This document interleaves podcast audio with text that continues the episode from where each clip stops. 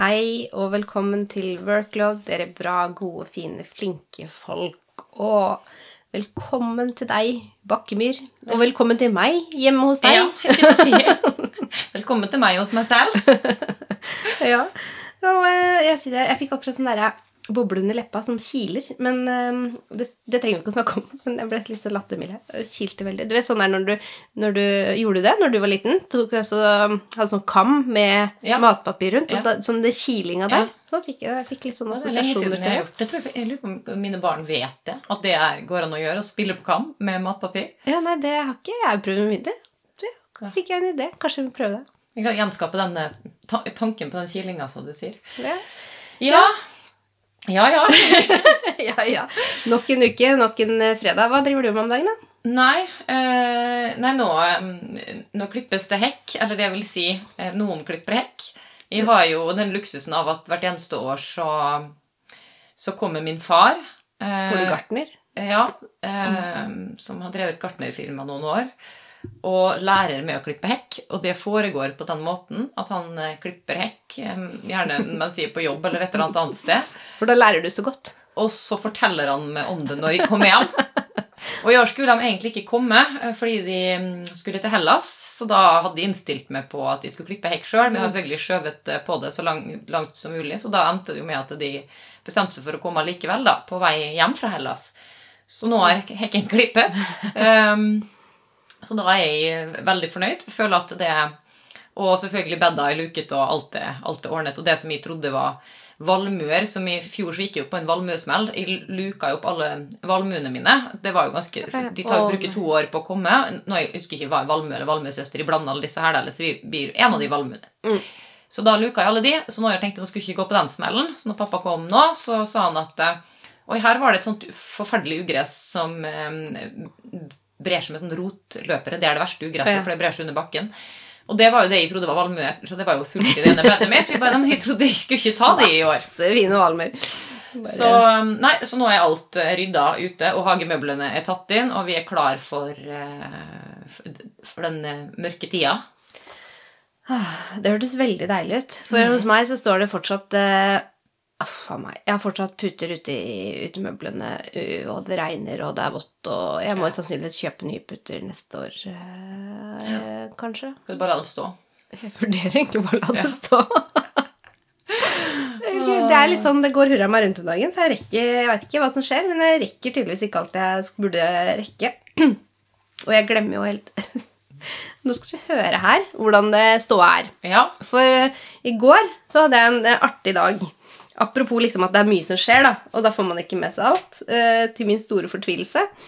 Men eh, i går, da, så eh, Jeg var mye som skjedde og full fart og sånn. Og så drar jeg i barnehagen og kommer inn i barnehagen, og så står jeg og snakker med hun ene som jobber der, og så går det liksom opp for meg på et tidspunkt at fader, det er jo et foreldremøte snart. Og så ser jeg på datoen på klokka, så bare sånn Og dette var i går. Foreldremøtet var i går. Så da glemte jeg det. Det var liksom Ja. første starten på, på ting jeg glemte i går. Og så kommer Mia hjem fra skolen, da. Kjempefornøyd, for hun har løpt halv maraton, må vite. Å, yes. Imponerende. Svært imponerende, Mia. Det kjempegøy. Så stolt og hadde gjort det så bra. Jeg kom på femteplass, og først av jentene var liksom kjempeglad. Og så sier jeg ja, hadde Var det aktivitetsdag i dag? Ja, det var det.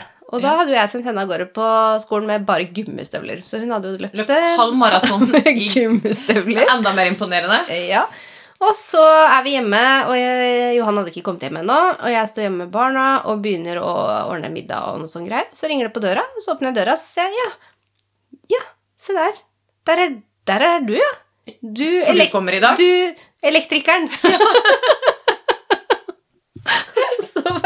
bare det var sånn, det sånn altså, Ingenting Det var ikke til stede i det hele tatt. Så jeg veit ikke helt hvor mye det ene tiltaket vi har begynt med hjemme hos oss, har virka, for vi har jo innført eh, senddøgn, må vite. Ok, hva i alle dager er senddøgn? Det, det høres ut som noe som er fravær av hos oss, i hvert fall. Det er at eh, jeg og Johan har funnet ut at vi kan gi hverandre et senddøgn hver på hytta. Så det, da drar vi et døgn og rett og slett har et senddøgn på hytta. Hver. Så vi hadde første runde nå i helgen, og han dro fredag til lørdag. Og så kommer han hjem, og så bytter vi, og så dro jeg lørdag til søndag. Ja. Eh, og det tror jeg er, egentlig er en god idé. Mhm. Så Men er det hver uke? Jeg tror kanskje det hadde vært deilig. Ja, det hadde vært deilig. Nei, det kan ikke være hver uke, tror jeg. Tror jeg De barna synes det var mye. De syntes det var litt forferdelig at ikke vi skulle være sammen som familie Ja. i helga. Men eh, sånn må det bare bli. Eh, så kanskje sånn innimellom må vi ha noen ja, du får researche og så finne ut hva som er riktig hyppighet før jeg iverksetter. Jeg, Jeg skal teste sender, og lære, og så skal jeg komme tilbake til Men de får jo for så vidt et senddøgn, fordi nå er det jo høstferie etter uka. Og så av litt sånne praktiske utfordringer fordi jeg har unger med masse aktiviteter og sånn, så ender det jo da med at eh, at halvparten av familien, eh, pluss hun, da, de reiser vestover før meg og eldstedatteren. Så vi skal jo være her hjemme alene. Og det er jo ikke nødvendigvis helt send. Um, men så, plutselig, så forteller hun meg at hun skal overnatte borte hos en venninne. Og jeg har jo ikke vært Jeg tror ikke jeg har sovet liksom alene uten hund, i hvert fall. Hunden er liksom alltid der hvis, det, hvis det er noen andre er borte. Så da plutselig kjente Og jeg er litt husredd, så kjente jeg bare Skal jeg være alene hjemme, liksom? Så jeg bare, sikker på at dere skal overnatte her, da? Nei, hun skulle ikke det. De skulle overnatte borte. Eh, og det må jo kunne sies å være et senddøgn, men jeg blei jo liksom vippa pinnen av hele, hele Spørs jo hvor rolig du er, da. Forutsetningen for et senddøgn er kanskje at man klarer å få hvilepuls. Ja. Nei, det er, eh, Jeg ser foreløpig på det som en utfordring mer enn et senddøgn, men vi får håpe at de greier å fylle det med et eller annet vettug. da. Men jeg blir satt ut i av plutselig å skulle ha type et døgn uten innhold. Da er jo spørsmålet hva dere har av utstyr hjemme da, som kan beskytte deg. For jeg fikk jo også en sånn morsom ting. Det ble, jeg bare assosierer litt til at eh, når du er hjemme alene, så kanskje du trenger et våpen. Ja. Men vi, det var eh, ha-med-dag på skolen forrige uke. Mm. Og jeg syns dette her er så fantastisk. Det er bare altså så herlig melding å få fra skolen. Eh, og da står det altså litt om at det er ha-med-dag og bla, bla, bla, og hvorfor det er det og sånn. Og så står det da at elevene kan da ha med seg én ting hjemmefra. Det kan ikke være våpen. Det kan ikke være våpen, nei. Men lekevåpen derimot, det er helt greit. Ja, i de store verden, ja. Nei, men det um, Har du noe våpen å låne med, da? Jeg kjenner jo det at jeg angrer litt på at jeg har sagt dette i podkasten nå, for nå tenker jeg at nå blir det jo annonsert at jeg er alene her. Jeg bare, sånn, til dere lyttere der ute som planlegger noe bøll. Altså, jeg har full kameraovervåking og, og alarm... Nei, det var sånn alarmbyrå. Byrå, sikkerhetsbyrå. Nei, hva heter det for noe? Larmselskap? Ja, selskap. Alarmselskap. Jeg vet ikke. Ja, ja. Jeg er meget, meget godt beskyttet. ikke prøv på noe. Og potensielt våpen. Og potensielt våpen lånt fra Kines barn. Det er, um, Det er så gøy. Ikke lov å ha med våpen. Herregud, er det vanlig å skrive? Lurer jeg på. Men Ja. eh, men jeg har jo det egentlig sånn der da, kan man bo i prøvd ulike våpen, da. eh, av litt sånn annen art, for jeg har jo hatt en utfordring nå siden forrige uke, og det er jo bananfluer. Og det Da er jeg veldig interessert i hva slags våpen du ja, ja, Eddik er ett våpen. Um, Eddik med Zalo. Må- jeg var rett inn i liksom hagle og Ja. rifle og Ja. Pute er også et mye brått. Og vått papir og høyt tempo, for de er ganske vanskelig å få tak i når du skal smekke til dem. vått papir høyt. For da går du og slenger ut med vått papir i håp Nei, om at du treffer dem. Nei, prøver å dytte det inn i veggen liksom da, med, med vått papir. Og vått papir, hvis du har tørt papir, så er det lettere at de stikker Å, ja, igjen. sånn, ja. Så det er slags druk, så man ikke sveiva rundt sånn vått papir. Nei da, et slags drukningsangrep. Men jeg har aldri hatt det problemet før. for Det heter jo bananfluer, eller så blomsterfluer. Det heter mye forskjellig, da, men jeg har alltid som tenkt sånn bananfluer, det er det på bananer. Eh, Og det har jeg jo opplevd før, men jeg har aldri opplevd altså at når jeg kaster bananene Oi, shit, når det på en måte fluer på bananen, så har de jo alltid blitt borte. Så nå erfarte jeg plutselig at det skjedde jo ikke. Nei. Og jeg har brukt så lang tid for å finne ut hvor de kommer fra. Plutselig så jeg de noen kaffegrutt som jeg driver og lagrer som jeg har på blomstene mine, og så var de inne i en blomsterbukett, og så og så lagde de jo en sånn felle, da. Med, de gikk aldri i den fella, men de svevde rundt den da, med en flaske med eddik og Zalo. Eh, men nå tror jeg at de har fått bukt med det. Eh, og jeg Ja, og det mest effektive våpenet var grundig vask av alt fra kummen til søppelbøttene og til å kaste ut alt av både frukt og blomster og alt hyggelig ut av kjøkkenet for en periode. Men så nå, nå tror jeg at de er borte. Kanskje ikke en gang Ah, for alle, men for en periode i hvert fall. Ja, men det er bra, for det hadde vært slitsomt å ha med seg de langt utover denne mørke høsten Ja. som kommer. Men du, vi må jo snakke litt grann om eh, direktøren, fordi nå er jo direktøren eh, Vi permitterte han. Ja, vi gjorde jo det, og så Og det har vist seg å være effektivt. Svært så effektivt. ja, Da er det noen som tenker seg om et Ja. par ganger. Ja, for vi sa jo det sist, at direktøren måtte skjerpe seg. Og siden den ikke hadde gjort det, så måtte den permitteres. Sånn er det. Kan du ikke jobben din, så må du ut i permisjon. Men nå har han virkelig skjerpet seg. Eh, Vi har ikke, vi har ikke tatt eh, direktøren tilbake fra permisjon ennå, men vi, nå vurderer vi faktisk å gjøre det. Mm. Og grunnen til det, Kine, hva er det direktøren har skjerpet seg med? Ja, nei, det, det håpa du skulle svare på. Ja, Neida. Men eh, bilder, Ja. bruken av bilder, eh, ser, er en ny greie som kommer. Um, jeg er litt usikker på liksom hvordan den funksjonen egentlig er, men hvis jeg har skjønt det rett, så er det sånn at du kan ta bilder av ting mm, eh, og få liksom type Jeg leste vel på tech.no eller noe sånt, var det ikke det? Hvor, eh, hvor man tok bilde av en grill, eksempel, Mm. og som ikke funka. Det har vært genialt. Min grill det har faktisk vært veldig Mm. spennende. For det har vært litt sånn hva, Jeg tipper han har sagt sånn 'kjøp ny', men, ja. men, eh, men det med å få bruksanvisninger, for Mm. eksempel, det er én ting, i hvert fall. Jeg så jo for meg nå at du kunne ta bilde av disse fuglene i hagen din og sagt sånn Hva gjør jeg med disse for å bli kvitt dem? Ja. Men det er jo litt kult, for jeg, jeg vil jo jeg, jeg tenker jo litt som når eh, disse robotene kom, da. At man ikke helt skjønner hva man kan bruke det til. Jeg vil tro det er med bildegreiene. Vi helt ikke ennå vet rekkevidden, Mm. av rekkevidden av hva det kan bety. Mm. Men jeg er sikker på at det kommer til å gjøre ting raskere og mer effektivt. Og så skulle man kunne ha samtaler med direktøren. Altså Mm. nå, nå, Jeg kan jo snakke med direktøren, men det, det som skjer, er at han bare tar lydopptak og genererer tekst. Mm. Men nå skal man kunne begynne å ha en samtale. Og det virker jo superpraktisk. Um, og det, hvis, hvis, Vi vet ikke helt når det kommer, det skal rulles ut i løpet av et par uker. Kanskje jeg har selskap i helga når jeg er alene. Ja, ja kanskje det. Nei, det er jo det er litt spennende, akkurat det der. Um, Eller når Knut ikke kommer hjem fra jobb. Ja, og det har vi, Da har det har vi, nå har vi løst det. Det er faktisk en legitim grunn til at han ikke kom hjem etter. Ja, vi fant ut av det. Eller din, din Johan fant ut av det. Ja, så det var, det, det var greit. Vi kan, vi kan la den ligge. Nei, Det er spennende å se hva, hva som skjer med direktøren. Vi må jo bare følge med litt på hvordan vi kan bruke, bruke den eh, best mulig. Mm. Um, jeg satt her akkurat og tenkte at det var et, et, noe jeg hadde lyst til å si, men det ble litt borte for meg. Men, eh, men i hvert fall Jo, det var det jeg skulle si med bilder.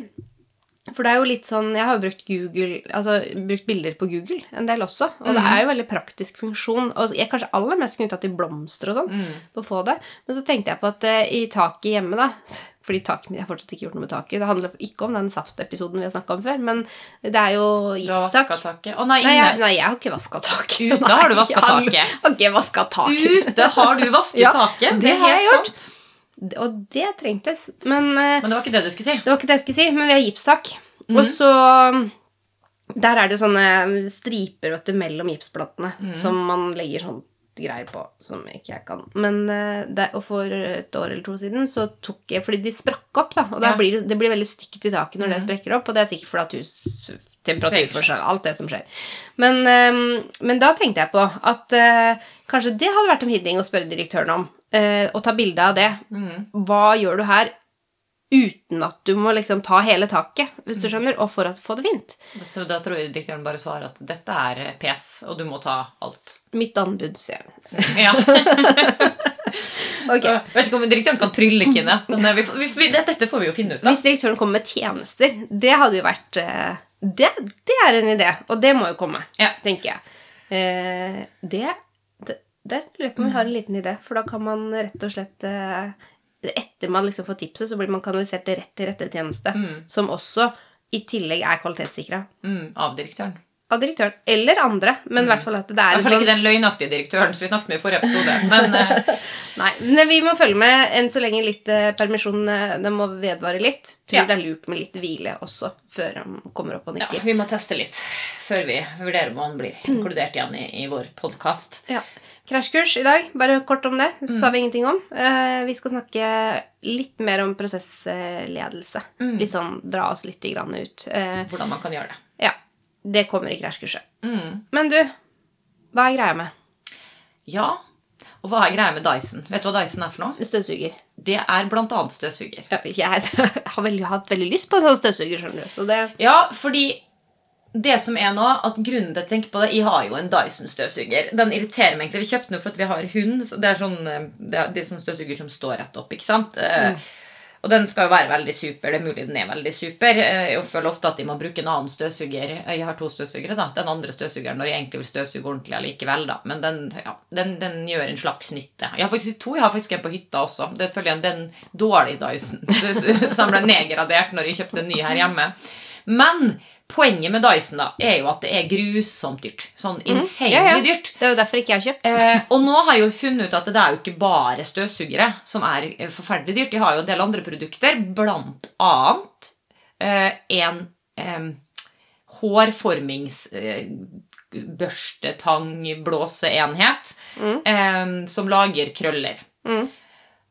Og den koster altså over 6000 kroner. Ja, Men er det den som er så populær? For det er en Ja. som er sånn helt sinnssykt populær, som bare er Det er det, merket. den. Mm. Det er Dyson. Og det er da jeg liksom lurer på Hva er greia med? Fordi nå har det kommet en, et alternativ til rundt 2000, så, som noen sier at skal være cirka like bra.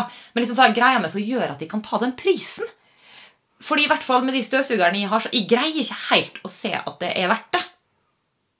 Nei. Nei, altså, du skal jo ikke støvsuge håret ditt, men uh, Nei, men, det men er også, med, også med støvsugere, da. Fordi, ikke sant, Ja. du, det, Nei, det er, det er liksom veldig dyrt til liksom, hva slags funksjon det egentlig har. Det er jeg helt Ja, enig for i. det er liksom ikke, det er ikke liksom litt dyrere. Det er liksom et helt annet eh, prisnivå. Nå må jeg bare helle litt kaffe. Altså. Jeg må bare si det. Jeg var så veldig kaffetørst. Beklager til dere som hører på. Men eh, sånn, Ja. sånn må det bare bli. Um, det som, eh, som jeg har tenkt litt på Jeg har tenkt mye på det, fordi Dyson er jo tyd, det er et merke som har liksom sånn kvalitetsstempel på sett og vis. Det er jo sikkert derfor de kan ta den Ja, har prisen. det? Nei, ja, det, det kan vi jo stille spørsmål ved, da. Men, eh, og jeg veit ikke hva som er lurt, men jeg vokste opp med en far som alltid Mm, kjøpte second best.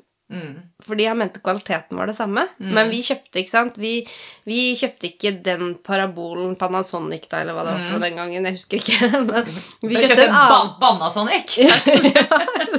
og det var litt sånn det føltes, fordi vi hadde, ja, der hadde vi faktisk levde vi med striper, sånne hvite striper på TV-skjermen i sikkert flere år. Til slutt så ikke vi det, så folk kom på besøk og skjønte ikke hvorfor jeg hadde striper på TV-en. Vi så det ikke, men det var bare parabolen som ikke var toppmodellen. Men vi har liksom i alle år ikke kjøpt Mm. det som alle andre kjøper. Og jeg tenker jo at det kanskje er det som har trøbla det litt grann til for oss. Mm. Eh, men han mener jo at han gjorde god research, at det er like Ja. Mm. bra. Og så det, har det vært billigere, ikke sant. Sånn at eh, jeg tenker det er jo på en måte det. Og nå bor jeg jo sammen med en som er likedan, da. Ja. Som er ikke så opptatt av merker, men liksom at det er pris eh, eh, gunst- Bare pris? Ja, Nei. nei, det er ikke bare pris heller. Det skal funke bra, men hvis det funker like bra, så trenger det ikke å være. ikke sant? Eh, Sikkert derfor vi har Samsung og ikke iPhone, da. Mm. Ja. som du irriterer deg jeg prøver over. å lo- lobbyere denne iPhonen. Det gir oss noen praktiske utfordringer i denne podkasten. Det er derfor, så derfor så mener jeg noe om, om at nå er det på tide at Kine går over til iPhone. Nei, det var et litt dårlig eksempel, men, men, eh, men det er jo et godt poeng det der. Jeg veit ikke. Jeg tenker at eh, det er, ting er for dyrt. Mm. tenker jeg som utgangspunkt. Det produseres jo sikkert i Kina eller et eller annet sted. Jeg kan ikke skjønne at det koster så mye å produsere Nei. heller. Mile opplever i. det er et høykvalitetsmerke. Der opplever jeg at du får Ja, kvalitet når du kjøper sier. det. Ja. Men det er det jeg mener om den Dyson, da, er jo det at nå har jeg to Dyson-støvsugere. Jeg har til og med knekt en del på den ene, som, liksom, som jeg synes ikke burde, som egentlig gjør at det alltid er sånn litt vondt å holde den når jeg skal støvsuge. Litt for jeg skraper på en sånn bit. Eh, Det, noe, det, sånn, det, det gjør ikke noe med funksjon, men poenget er at jeg ser jo ikke at den har den type kvalitetsstempel. Den virker også veldig sånn plastikkaktig og ikke noe fancy. Så hva egentlig, konklusjonen er bare hva er greia med Dyson. Og hvis noen vet det, skriv det. Og hvis noen har prøvd denne hårtingen, for jeg, jeg får jo litt lyst på det som er best. Ja, du, og du har jo sånn hår som du kunne prøvd det på. Ja, Og i tillegg til at du har to jenter som eh, i hvert fall Yes. som kan eh, Men liksom er det verdt å gå fra 2000 til 6000 eh, for en marginal forskjell, hvis ikke noen kan fortelle meg at det er en voldsom? Eh, den er testa på Tech, den eh, nummer to-versjonen, da. Eller eh, dupen, som mine barn sier. Ja. Um, Og hva sier Tech? De sier at det, det er ganske bra, eh, også, men når du har tjukt og langt hår, så er Dyson bedre. Det er kanskje mitt problem. Um, men så lurer jeg på hvor tjukt, hvor langt. Jeg har akkurat klippet med. Er det akkurat innafor? Ellers er spørsmålet hvor lenge du må vente Ja. til den blir billigere. Mm, For ja. det blir noe, nå er det jo veldig hype akkurat det der greiene der. Ja. Men uh, du vil jo kanskje være med. Nei, la oss komme oss videre fra, fra Dyson, Kine. Nå er vi ferdig med Dyson-kjenti. Vi ser ikke greia. Nei. På det det kan godt hende jeg kjøper meg det likevel. Pil, sår tvil hos Bakkemyr. Mm. I dag så lurer jeg på Trenger vi ledere? Ja, det lurer du på. Det lurer jeg på. Ja, Du er jo ikke leder, så Nei. du stiller ikke spørsmål om du, du sjøl er irrelevant. Men du spiller om jeg er irrelevant. Jeg spør egentlig Ja, og, og så tenker jeg at det er mange mange lag på det. Ikke sant? Det er mange forskjellige typer ledere, eh, og ledere i ulike roller. Men, men noen ganger så kan jo på en måte Det kan jo bli for mye og for mange ledere. Mm. Eh, og hva slags funksjon fyller en leder? Mm. Eh, når er det viktig? Er det viktig? Må vi ha ledere? Og så tenker jeg litt på det vi har snakket om tidligere også med eh, smidige team, for Mm. Hva skjer med ledelse der? Mm. Eh, så, så hvis vi tenker litt sånn trend i det her, eh, den tvilen nå, da, Mm. eh, så lurer jeg på hva, ja, hva tenker du? Trenger vi ledere? Det, du vet det her er faktisk en diskusjon eller en samtale vi har hatt en del på hjemmebane. Fordi eh, jeg bor jo sammen med en eh, som for det første mener at eh, ledere er helt overflødig. Han, eh, Det er så gøy når du jo Det er liksom Ja, det er jobben min. Eh, og så mener han også egentlig liksom prinsipielt nesten at alle ledere er idioter. Ikke sant? Eh, fordi bare i kraft av at du går inn i en lederrolle, så er det at du tror du har et eller annet unikt ved det som er, eh, gir deg den retten til å lede andre, da. Eh, men jeg tenker jo at eh, min bedre halvdel har et poeng. Eh, jeg tror jeg tror man overvurderer betydningen av eh, ledelse. Jeg tror ledelse ofte gjør mer skade enn altså dårlig ledelse, farlig ledelse. Eh, på en måte er jo Altså det er ekstremt ødeleggende for en organisasjon. Og da er det forskjellige typer, da, for nå snakker du om ødelegge bare for å ta det med skade, mm. men det er jo noe med dest, hvis vi putter det litt sånn i kategorien Ja. destruktiv ledelse, da, for mm. da, da er det jo litt ulike former som mm. ikke i utgangspunktet høres så farlig ut, men potensielt skader organisasjonen. Mhm. Og da tenker jeg sånn la det skure og gå-ledelse, ja. mm. for eksempel. Um, men så kan man jo legge til grunn at man tenker ok, vi snakker ikke om det. Altså, eh, Vi får snakke om de, de lederne som på en måte, i, hvert fall sånn som man definerer ledelse, har, eh, har en funksjon, altså fyller funksjonen på en, en både etisk, moralsk og, og kompetent måte. Mm. Um, jeg har jo lyst til å si at man trenger det. Uh, men jeg tror kanskje man trenger det mye mindre enn det man har eller bruker det. Mindre eller til andre ting enn så måten man bruker det på. Bruker man Ja, det, det feil? Altså- eller kunne man brukt ledere på en annen måte? Jeg, jo, jeg sa jo faktisk til deg her en om dagen, og det syns jeg egentlig er et poeng, for vi har jobba mye sammen, og du, jo, du har jo vært leder alltid. Jeg har jo hatt lederroller, men jeg har Mm. ikke vært eh, personalleder når vi har jobbet sammen. Og vi har jo på en måte sånn sett vært sidestilte kollegaer. Mm. Samtidig så sitter jo jeg med en erfaring av at du har brukt din lederkompetanse på meg. Og så er det ikke sikkert at du har tenkt like mye over det selv, men, men jeg tenker den det blikket du har da, som leder, tror jeg har virka på meg også. Eh, og sånn sett så har jo den rollen din vært viktig, selv om det er sidestilt. Men det, jeg kan også snakke om min overordna leder, som jeg også har erfart akkurat det samme med. Hvor jeg kanskje ikke så bevisst hele tida tenker på det, men jeg merker at jeg utvikler meg. Mm. Og det tror jeg, da. At er, det er jo flere faktorer som ligger til grunn for det. Det ene er jo at jeg er opptatt av å utvikle meg og lære. Men det andre er jo også at det har hatt folk rundt meg som har sett. Mm. Hva er det som er det rette for meg nå? Hvor langt kan du pushes ut av komfortsonen for å utvikle deg? Hvilke muligheter kan du få? Hvilke roller kan du ha? Hva kan du prøve deg på? Så det liksom, liksom stegvis få den eh, nesten coaching-veiledninga da, for å klare å utvikle seg. Da tenker jeg at den lederrollen som du på sett og vis har utøvd litt, da, kanskje bevisst ubevisst overfor meg, men også min nærmeste leder har gjort, eh, har gjort at jeg har utvikla meg som i rollen min, da, i jobben min, som jeg tror at potensielt har gjort at jeg gjør en bedre jobb. da. Så sånn sett vil jeg jo si at den Ja, leder da er du jo litt inne på det som vi snakka om var det i forrige episode, eller enda en tidligere episode. Kanskje det var før det. Eh, på dette med, med egentlig eh, altså smidig coacher. Og da kan man jo spørre, Ja. få inn type det i team, da, autonome team som, som har coacher som går inn og hjelper akkurat med det som kanskje jeg synes er mest gøy med lederrollen, er jo utvikling av mennesker, utvikling av organisasjoner. Eh, og da kan man kanskje tenke at i alle sånne litt sånn større utviklingsprosesser, og alt det, så blir den vanlige lederrollen, på en måte, eller i hvert fall styringsrollen, litt sånn irrelevant. Kanskje også destruktiv.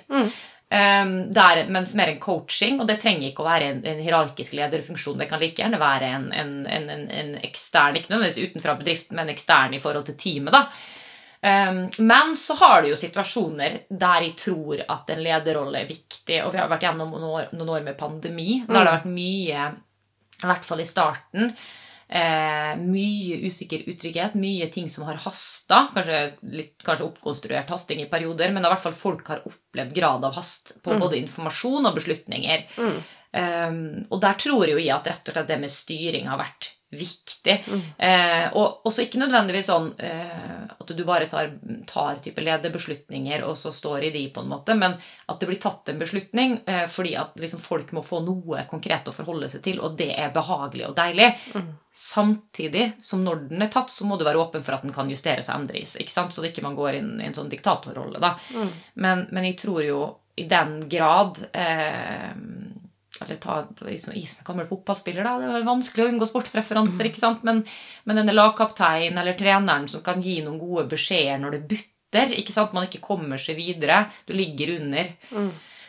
Ligger under i en fotballkamp der du egentlig kanskje er bedre enn det andre laget, men, men det er liksom Og så kanskje har et da. annet blikk, da. Fordi de har, man har den egentlige luksusen da, av å ikke stå nødvendigvis med begge beina i Ja, du er ikke på banen. Ikke Nei, sant? ikke sant? Mm.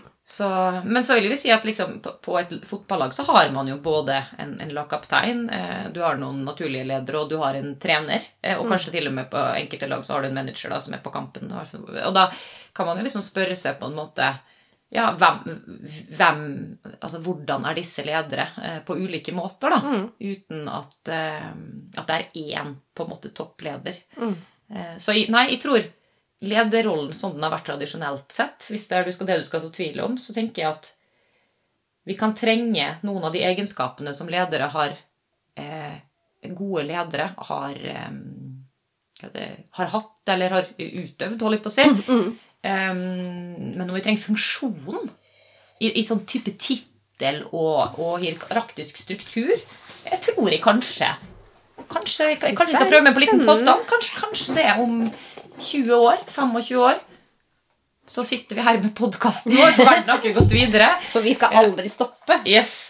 Eh, og da, er, da tar man for gitt at, eh, at man ikke har det lenger. Det er ikke godt å si. Nei, Jeg, tror ikke, jeg skal i hvert fall ikke komme med noen påstand om at eh, ledere er en absolutt nødvendighet i, i den form det eksisterer i dag, i hvert fall.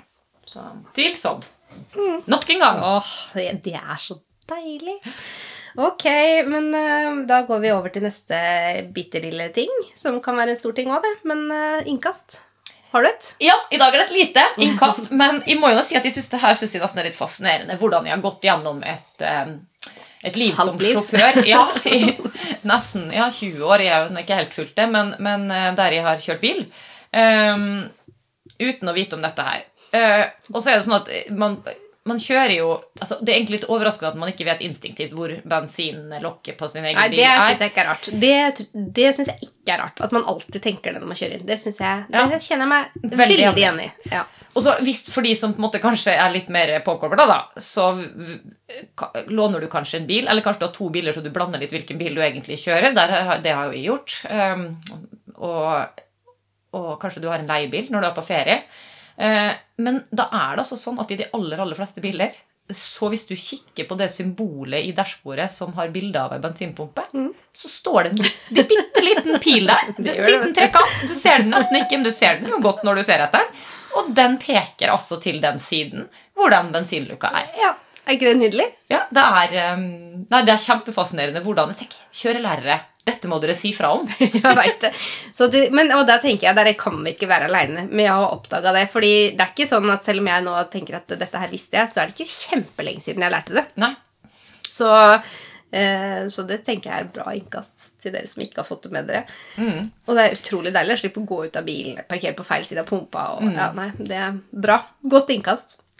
Vi går eh, videre til, eh, til eh, teknologisk og forbedringsfokusert segment, som det sto her i min notat. Yes, du store verden. Jeg fikk så lyst til å lese det. Men det er krasjkurset, mm. og vi skal snakke om prosess. Mm. Og prosessledelse, egentlig. Um, vi har vært innom Vi har jo brukt nå Det er jo tredje episoden, egentlig. Vi holder oss litt i samme gata. Eh, vi lover det blir siste. men men uh, det er fordi vi syns dette her er uh, viktig når vi skal jobbe med endring, utvikling og læring, da, som er liksom hovedfokuset vårt, egentlig. Ehm, Så vi skal snakke litt Sist så snakket vi om møter sånn konkret i det enkelte møtet. Hva slags verktøy. Vi ga noen eksempler på konkrete verktøy som man kan bruke, og litt om hvordan du kan tenke deg enkelte møte. Så det er absolutt en Jeg vil si vi anbefaler den episoden der hvis du tenker sånn jeg skal ha et møte, hvordan skal jeg rigge det møtet best mulig for å få det produktivt. Så bare til dere som ikke hørte forrige episode, så er det et hot tips å høre på forrige episode som handler om eh, møteleder som regissør. Eh, og så er det dette her med design eh, for eh, beslutningsprosesser, egentlig. Eh, og Westergård er en bok det ligger ute på Instagram òg, for dere som hører på. Eh, Den, eh, et, det ligger ute som et innkast, egentlig, den, eh, den boka. Men han snakker om ulike design for det. Og da deler han inn i tre design, og nå skal jeg bare kjapt si det. Og det ene er liksom design 1, hvor ledelsen tenker ut og formulerer løsning alene. Eh, da er det ikke spesielt mye involvering. Og så er det design 2 og 3. Og design 2 det er at ledelsen legger fram løsningen eller løsningene den har tenkt på, og ber medarbeiderne sikre den. Og så er det design 3. Ledelsen ber medarbeiderne utvikle løsninger. Og da hører man med en gang at det handler om litt ulik grad av involvering. Men det vi skal snakke om nå, det er i hovedsak design 2 og 3. Eh, fordi vi skal snakke om fair prosess, blant annet. Og hva er det? Eh, nei, først og fremst bare Det er mye, det er mye fancy ord her. Eh, vi er jo Vestegård-supportere, det vil de si. Altså, den boka, Vi har snakka om den før, eh, og vi kommer sikkert til å snakke om den igjen, fordi vi opplever at den er veldig veldig konkret og veldig matnyttig. Eh, Og så skal vi også med det si at den er ikke matnyttig hvis du leser den fra A til Å. Og det er liksom viktig poeng, fordi første gang jeg leste den, så jeg bare, åh, dette var lurt, dette var lurt, og her fikk jeg hele oppskriften på den utviklingsprosessen. Det, sånn kan man liksom Jeg tror jo ikke at dere som hører på, tar det så, så enkelt inn. Fordi, um, fordi jeg er helt sikker på at dere som oss også reflekterer litt over hva vi leser. Men, uh, men det er et viktig poeng, for den kan leses litt som en oppskrift. Men når du begynner å jobbe med den aktivt, så blir, merker du egentlig hvor godt verktøy det kan være i lederrollen. Ja, det, Man må ikke tenke copy-paste. Det sier vi om alt vi, vi gjør. på en måte, at det er, eh, Selv om noe virker i en situasjon, så kan du være ganske sikker på at det ikke virker i en annen, fordi ting rundt er aldri identisk. Nettopp. Um, og i det ligger jo det som egentlig dette her handler om, som er kontinuerlig forbedringsarbeid og, og forbedringsprosesser. da, ikke sant? Og hvor, hvordan man kan lede en, en prosess som skal føre fram til en form for forbedring. Det er det vi liksom skal snakke om i dag. Og da sa jo, du brukte du ordet fair prosess. og og fair prosess, da, det, det er jo også et uttrykk som Westergård bruker. eh, Og der sier han at for at du skal kunne si at en prosess er fair, eh, så må du ha involvering. eh, Du må ha forklaring. Og det må være en ramme og en retning. Og er disse tingene ikke til stede, så er det ikke en fair prosess. Så jeg vil si at Hvis du ikke involverer folk, så det, og, en fair prosess, altså det at man ikke involverer folk Ta f.eks. det jeg snakka om i sted, da, med, med under pandemien, når man bare må ta raske beslutninger. Da er det ikke nødvendigvis en fair prosess. Det betyr ikke at det er en ufair eller en dårlig prosess. Men, så det er jo ikke, eh, men en fair prosess, da, så ligger det i det som på en måte du oppnår da, ved å gjennomføre en fair prosess. Eh, det er rett og slett eh, at du opplever at det blir tillit til prosessen og tillit til beslutningen og, tillit til den personen eller lederen som leder prosessen, og konsekvensen av det er aktiv og frivillig utvikling og testing av løsninger. Eh, I motsetning da til prosesser som ikke er fair, eh, der du kan oppnå mistillit til beslutning eller strategi, eller en passiv eller motvillig implementering av beslutning. Og når er det viktig For det er jo som du sier, alle prosesser kan egentlig ikke være fair. Og det handler I de fleste organisasjoner så handler det om mange ting, men tid kan være én ting. F.eks. eksempel at det er ikke mulig. Og, men så er det også når, så er det litt sånn, det er ikke mulig, men når er det viktig? Når er det vi bør tenke at her må vi skape rom og tid til å ha en fair prosess? Har du noen tanker om det? Ja, eh, jeg har noen tanker veldig inspirert av Westergård knytta til dette. Men, men eh, og han, i slutten av boka, hvis dere leser den, så har han også noen eksempler på situasjoner der man ikke bør bruke det. Eh, av flere grunner. Men når det er ting som er veldig inngripende for medarbeidere, eller, eh, eller sånn, eh, som på en måte i selve deres arbeidshverdag, eh, så er det viktig og riktig å ha fair prosess. Eh, og det handler jo om at, eh, at eh, Det handler både respekt for, for folk, men også det at hvis det skal bli høy kvalitet da, på ting som skal forbedres, så eh, er det viktig at de blir involvert i, i det arbeidet. Og så kan jo det virke som om det tar mye tid, da. I den første delen der. Mm, men samtidig så er konsekvensen at du får liksom motvillighet, motstand. Eh, sånn at det kan jo på en måte, det å ikke ta seg tid til det, kan jo også gjøre at det går mye tid til andre Ja, mindre konstruktive ting. da. kommer man jo inn på dette med kontroll, ikke sant? Eh, Fordi det som er omfattende for, for folk, som jeg sa, det er jo en, en, en situasjon der man, eh, eller inngripende, da, der det er viktig med fair prosess, men også situasjoner der du som leder, altså der det er eh, eh, usannsynlig at du greier å følge opp og, og kontrollere, ikke sant? Eh, Mange i, Gi et eksempel på det. Eh, nei, altså hvis det er mange lederledd under det, da, ikke sant. For eksempel at du skal ganske langt ut i organisasjonen og ønske en form for atferdsendring hos, eh, hos eh, de ansatte. Ja. Eh, som på en måte ikke bare handler om å trykke på en knapp så du kan telle hvor mange som trykker på knappen, men f.eks. i møte med en kunde eller i møte med en innbygger skal de gjøre noe annet. Og det sier seg sjøl at det, er det kan ikke du. Du kan ikke løpe rundt da hvis du har eh, 1000 ansatte og, og, og sjekke at alle gjør det. Så da må du på en måte eh, skape en situasjon da, der de kjenner motivasjon for å jobbe eh, slik som, som du tenker at de skal jobbe for å nå et eller annet mål. da. Og der har jo du mye erfaring, for du har jo nettopp leda, eh, og leder, eh, organisasjoner eller igjen, kall det hva du vil. Seksjon, kan vi godt også si. Med mange ledd. Eh, eh, Eller i hvert fall to, men du har jo på en måte også flere ut, uti der òg. Så du har en stor, stor seksjon med liksom Og da snakker vi type mm, 500 årsverk som du leder, egentlig. Og da skal det betyr det i prinsippet at du skal få eh, 500 personer til å føle en forpliktelse til en endring. Mm. Det er heldigvis mange som hjelper meg med det. Ja da, og det er ikke det jeg sier at du gjør det aleine, da. Men jeg tenker sånn, når du skal i gang med noe du, La oss si at det er noe det har kommet en rapport, f.eks. Det er noe nytt på forskningsfeltet som sier at det på en måte faget er i utvikling. Det er kommer noe metodisk som du ønsker at dette er lurt, mm. smart, at dere går inn i. Det, det handler jo om å følge med på det som skjer òg, ikke sant? Hvordan, hvor, hvor starter du når du skal i gang med noe Nei, jeg tenker Det første er jo da eh, legger det til grunn da at man er i en situasjon at det er en endring som er såpass omfattende da, at man tenker at fair prosess er riktig tilnærming. Ja. Um, og da er det jo å finne ut eh, hvilken grad av involvering er det jeg tenker er riktig her. Eh, noen ganger så har man stort handlingsrom eh, fordi det er ganske åpent, det som skal eh, gjøres. Kanskje man bare har definert et behov for en forbedring, Mm. der folk kan få være med og si hva det skal være. Eller så kan det jo være type I vår bransje så er det jo ofte føringer ifra Det kan være lovverk, eller det kan være andre statlige eller kommunale føringer. Ja, Ta, ta det som et eksempel, fordi det, litt, det jeg det, det kan jo på en måte være litt vanskelig også. Fordi du det er bestemt egentlig at du må levere noe innenfor hvert fall en ganske sånn tydelig ramme. Hva, hvordan vil du tenke da? La oss si det kommer en ny føring fra en politisk hold. Kan det være. Nå skal alle gjøre, jobbe på denne måten her.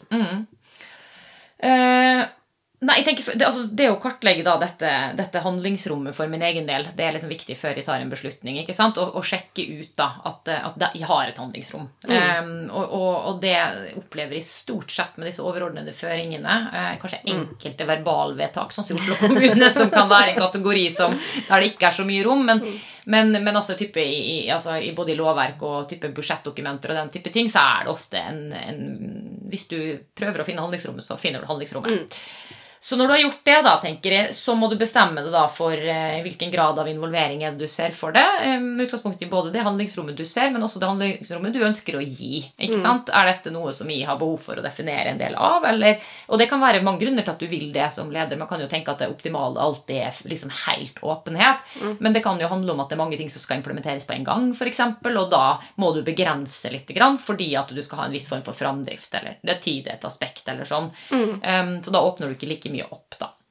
Eh, og det handler jo i, forhold til Vestegård så er jo det om det er design. Skal du foreslå en løsning, og så få eh, Innspill på den. innspill på den, på en måte? Eller skal du liksom dra det helt i andre retningen og si at de eh, vi har De på en kommer på løsningen selv og beslutter også løsningen ja, selv. Vi har Mm. et problem eh, som skal løses, og, og, og, og, dere må finne ut hvordan det skal løses, og, iverksette det, på en måte, da. Ja. Eh, og, men, men uansett, da, for å skulle kalle det en fair prosess og oppnå det man ønsker, da, som er si, aktiv og frivillig utvikling mm. og, og bidrag, og, og også, som jeg bruker alltid å si, at du kan ikke skille implementering og utvikling fra hverandre, fordi eh, Starter egentlig når prosessen starter, det. Ikke sant? Ja, Du utvikler mens du implementerer, og du implementerer mens du utvikler. og Det, det tenker jeg er en forutsetning i en fair prosess. Eh, Det er ganske interessant, for hvor mange ganger hører man ikke sånn Nå, nå skal vi prøve ut dette her i tre år, to år, tre år, eh, og så i år fire, da implementerer vi. ja, ikke Det syns jeg er fint. Mm, Det tror jeg er litt sånn Ja. jeg bruker å si sånn i år fire eller fem så er det integrert i en, en del av driften vår. Det er er en bedre måte å si det på, mm. fordi vi har jobbet med kontinuerlig utvikling og implementering gjennom disse årene. da. Så um, for, for sånne som meg som er opptatt av semantikk da, og hvordan man sier ting, så, så er det viktig. Men, men, men for meg så er det liksom et verdisyn Ja. som ligger til grunn for det, og det er jo dette med at eh, Som ofte kan være litt sånn skummelt. Det er jo det at man som leder kanskje kan tenke at på et eller annet tidspunkt så, eh, så må du som leder på en måte ta en beslutning om at noe er eh, godt nok, og, og, og, så på en måte si nå gjør jeg den vurderingen på måte litt sånn på egen hånd at nå er, nå er det nok utvikling, så nå skal dere begynne å gjøre. Um, og det, det vi vet, i hvert fall vi som er opptatt av kontinuerlig forbedring, da, er jo at hvis du har noe som er konstant over tid, så blir kvaliteten ikke konstant, den blir redusert over tid. Så det at det er jo litt sånn gammel- Ja, så det kanskje, henger det kanskje litt igjen i sånn tradisjonell prosjektmetodikk også. Med Ja. sånn type veldig tydelig konseptfase, utprøving og så implementering. Ja. Det er jo veldig sånn prosjektveiviseren og eh, det, er- det er, det, Den er jo litt sånn spennende. Hva skjer Mm. egentlig med den ja, prosjekttankegangen nå framover? Jeg tror det Mm, ja, når man begynner å jobbe mer smidig og agilt, da, ikke sant? Og, og, planverk kanskje også stadig spilles mindre og mindre rolle, da, fordi at eh, Eller det må lages på en annen måte som gir en økt fleksibilitet for organisasjoner. Det tror jeg kanskje er noen av de viktigste endringene som jeg håper og tror er på vei inn i offentlig Ja, og så sektor. spørs hvor detaljerte planene skal være. Mm. rett og slett. Om det er egentlig på det, må- den måten det skal være. Men dette var jo en liten avsporing, for vi snakka litt om hvordan du skulle starte. da. Ja. Den her, hvis du skal tenke at du skal drive en fair prosess.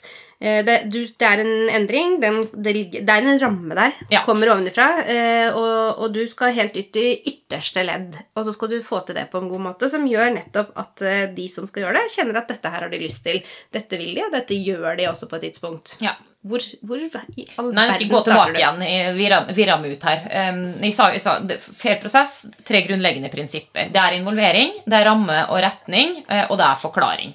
Så da har jeg bestemt meg for at jeg skal involvere. Eh, Jeg har bestemt meg for at jeg skal involvere, si i medium. Eh, Så forklarer vi på en måte, og det er ikke bare før, men altså, du kan forklare selvfølgelig i tidlig fase hvorfor jeg involverer på den måten jeg gjør, osv., og, så videre, og hvorfor vi må gjøre dette vi skal gjøre. Eh, Men også hele tiden underveis i prosessen at man forklarer nå nå gjør vi sånn fordi nå har disse innspillene kommet inn, eller nå gjør vi disse justeringene fordi da. Men det at leders forklaring ja, det var litt av noen lyder, Max. Leders forklaring eh, bidrar til å øke kvaliteten fordi du ved å si høyt hva du tenker og hvorfor du gjør som du gjør, så gir du da medarbeiderne dine muligheten til å kommentere og komme med innspill på de tankene du har, og, og, slik at du kan justere det hvis du har behov for å justere det. Så tror jeg også, fra å ha vært deltaker selv i en del endringsprosesser, så tror jeg at det, det skaper en tillit også til lederen. Fordi eh, som ansatt, da, så vet jo jeg da for eksempel at min leder diskuterer noe i toppledergruppa, for eksempel, og at de noen ganger kan liksom diskutere andre ting enn det som kommer til oss. Det, altså Man skjønner jo det, at det er liksom nivåer på diskusjon. Så jeg tror den gjennomsiktigheten også skaper en sånn tillit da, eh, til at vi er på lag i dette her. Det Kan godt hende vi er uenige, men vi er liksom på lag. Det er liksom grunntanken, da. Mm. Og du vet hva lederen din tenker, da. ikke sant? Det er eh, helt avgjørende. Ja, og da er det også lettere å, å, å være åpen da, i forhold til ulike synspunkter. ikke sant? At det ikke ligger noe usagt, da, på en måte. i... Men da har vi hatt eh, involvering, og så har vi tatt forklaring, og så er det siste som er ramme og retning. Eh, og det er jo det du som leder må gjøre. Du må på en måte si noe om hvor er det vi skal? Altså sånn, Hva er det vi skal kunne gjøre eh, om et år, eller tre år, eller fem år, eller en måned, eh, som vi ikke kan gjøre i dag? Eh, og det kan f.eks. være vi skal være tilgjengelige for kunder på kveldstid, eller eh, mer enn vi er i dag. Eh, eller vi skal hjelpe liksom, dobbelt så mange barn og familier som vi hjelper i dag med et eller annet. ikke sant? Men du må på en måte, Og det handler jo om det er derfor jeg er sånn opptatt av å skille på endring og forbedring også, fordi vi skal ikke endre for å endre, så det skal være en eller annen planlagt forbedring som skal skje i andre enden, og den må kommuniseres. Og så må du jo si sånn, hva er det da som ikke er til diskusjon, og hva er det som ligger fast, hva er det du skal involveres i og, og ikke. Og da kan det jo være At man sier det at eh, altså det som ikke er til diskusjon, er f.eks. klokkeslettene vi skal eh, være tilgjengelige. Eller hvor mange barn vi skal hjelpe. Mens det som er åpent for diskusjon, er hva slags hjelp vi skal gi på, den, på det Hvordan vi skal løse det. hvilke klokker altså, jeg holdt på å si, Om vi skal gi annen support på kveldstid enn vi har på dagtid, f.eks. Og, og hvis vi skal handle om å hjelpe flere barn og familier, og sånn, så kan det jo være sånn ja, ok, hvilke, eh, hvilke type hjelp skal det være, da? Eh, kan vi gjøre det på en annen måte og bedre måte? Det, det, for det, det kan folk få lov å være med og, påvirke. Så med en tydelighet rundt det, slik at det liksom også skaper en forutsigbarhet for de som er med, som eh, Når vi snakka om når vi, når vi var på eh, holdt på å si, vi gikk, vi gikk på en smell for noen år siden akkurat i et utviklingsarbeid. ikke sant, Hvordan man eh, ikke hadde vært tydelig nok, eh, kanskje ikke med seg sjøl engang, da, på, på hva er det egentlig her vi kan eh, gå inn og, og, og påvirke om igjen, og hva er det vi ikke kan gå inn og påvirke og mene noe om. Og det, Men eh, hvis du tenker liksom design 3, da, som er veldig åpent også, mm. eh, så tenker jeg at du veit jo når du går inn i det sånn, du har noen rammer og sånn, men som leder så vil du alltid vite dette her i oppstarten av en prosess.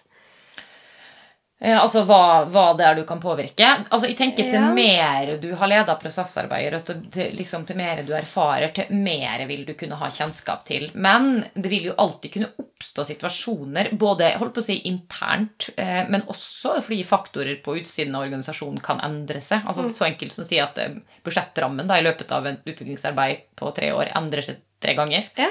Um, og da tenker jeg at det, da må man jo på en måte bare kommunisere det, at nå har dette skjedd, og derfor har disse premissene endra seg. Mm. Eh, og det er jo der den gjennomsiktigheten og åpenheten er så viktig.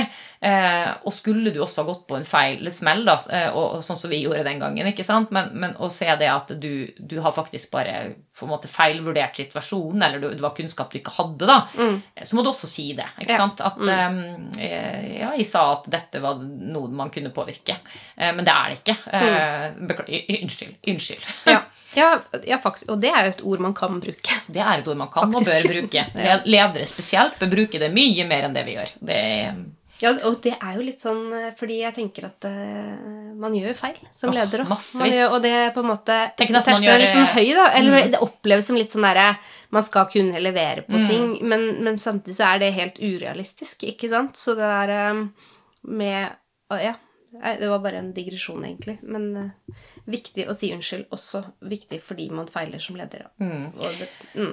Ja, så jeg har lyst til å si litt mer om det med fair prosess, bare. Fordi på en måte, hva, hvorfor skal man på en måte ha fair prosess, da? Um, og Vi snakka litt om å få til indre forpliktelse og sånn tidligere, ikke sant? at folk vil det. Men det, når man gjennomfører en, en, um, en fair prosess uh, så er på en måte målsetningen i prosessen da, det ene er jo selvfølgelig, som jeg om nå, å sette tydelig ramme og retning for hvor man skal. Eh, Men så er det på en måte det å legge til rette for at forbedringsarbeidet oppleves meningsfullt for de som er med på det. ikke sant? Dette her skal gi en eller annen form for indre drive. Folk skal se at det, det, dette gir mening for meg. Mm. Dette vil de være en del av. Eh, Men også da dette med å i motsetning kanskje til litt sånne tradisjonelle så du sier at du, du utvikler eh, eller, eller bare implementerer. Det gjør man jo noen ganger. òg. Man bare får noe, så prøver man bare å implementere uten å utvikle. Du kan jo tenke det, i hvert fall på sånne statlige føringer, at Jeg vet ikke hvor mange kommuner det er i Norge, men det er jo ganske så mange. At, ja. Og så skal man bare tenke at det skal kunne, samme hvilken organisasjon det er, så skal dette bare kunne gjøres likt, og så skal det bare implementeres. Det sier seg sjøl, det går ikke. sant? Så du må dra det ned til den konteksten og, og de premissene som er i organisasjonen. Eh, Og den måten man gjør det på, da, er jo å dele det opp med å, legge til rette for masse stoppunkter underveis i, i prosessen der det er rom for å justere. Mm. Inkrementell innovasjon eh, skriver, kaller Vestegård det. Det er jo et uttrykk som bruker, mange flere enn Vestegård bruker. Men det handler jo nettopp om å ha sånne mikroprosesser som du eh, Som f.eks. ett lite møte, da, som vi snakka om sist, kan være en sånn type prosess. Mm. Um, og så, Nå har vi jo snakka veldig mye sånn om det som ligger til grunn, eh, og hva som er viktige prinsipper. Um, men så er det jo på en måte liksom, hvordan kan dette se ut i praksis? Og det vil jo fort være sånn at man har et Altså det er en del møter knytta til et eh, prosessarbeid og oppstart der man begynner å jobbe med alle disse her eh, prinsippene. Mm.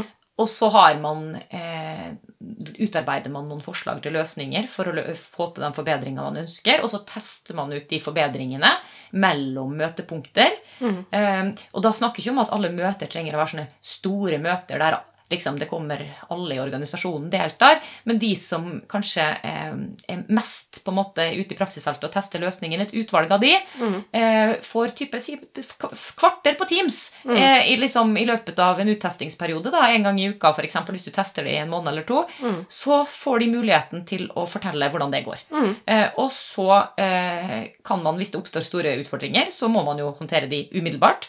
Og, men hvis det er sånn det går sånn så så, så oppsummerer man kanskje etter den perioden på ok, dette problemet løste vi underveis, dette løste seg ikke, så dette må vi få gjort noe med, før man da bestemmer seg for hvordan man går videre i prosessen. Og så er det på en måte hele tiden å huske på den overordna forbedringen man ønsker å oppnå. da. Så, og det vil jo være en sånn struktur, og da kan den type møtemetodikk som vi snakket om i, i forrige møte med de verktøyene, og, og, den formen for regi, da være god når man har disse møtepunktene, litt større møter. Mens for å få til dette med inkrementell innovasjon, så er det mer sånn små debrief, som mm. Vestegård kaller det. ikke sant? Da er man bare sånn Ok, nå gjorde vi dette. Hvordan gikk det? Superkort. Hva lærte vi? Hva kan vi få bedre? Ikke Ja. sant? Ja.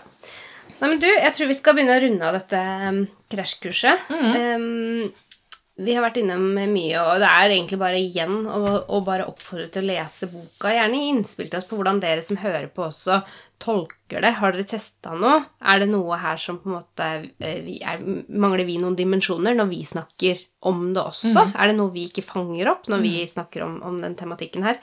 Det Er det noe dere ikke skjønner av det vi sier, som Ja, det vi skal forklare? ikke sant? Har vi greid å få forklart ramme og retning? Det er akkurat det. Eh, Neste gang så mm, tenkte vi at vi skulle snakke om eh, lærende organisasjon. Mm. Og det gleder vi oss masse til. Det Det- er en av våre fa favorittemaer. Er det morsomste vi kan prate om, tror jeg. Så det blir med oss og hør, da. I, da er det høstferie i Oslo, i Ja. hvert fall. Så kanskje noen av dere har tid til å ha spørre i ferien. Kom gjerne med innspill før den tid. Um, så tar vi, tar vi det med oss. Takk og farvel.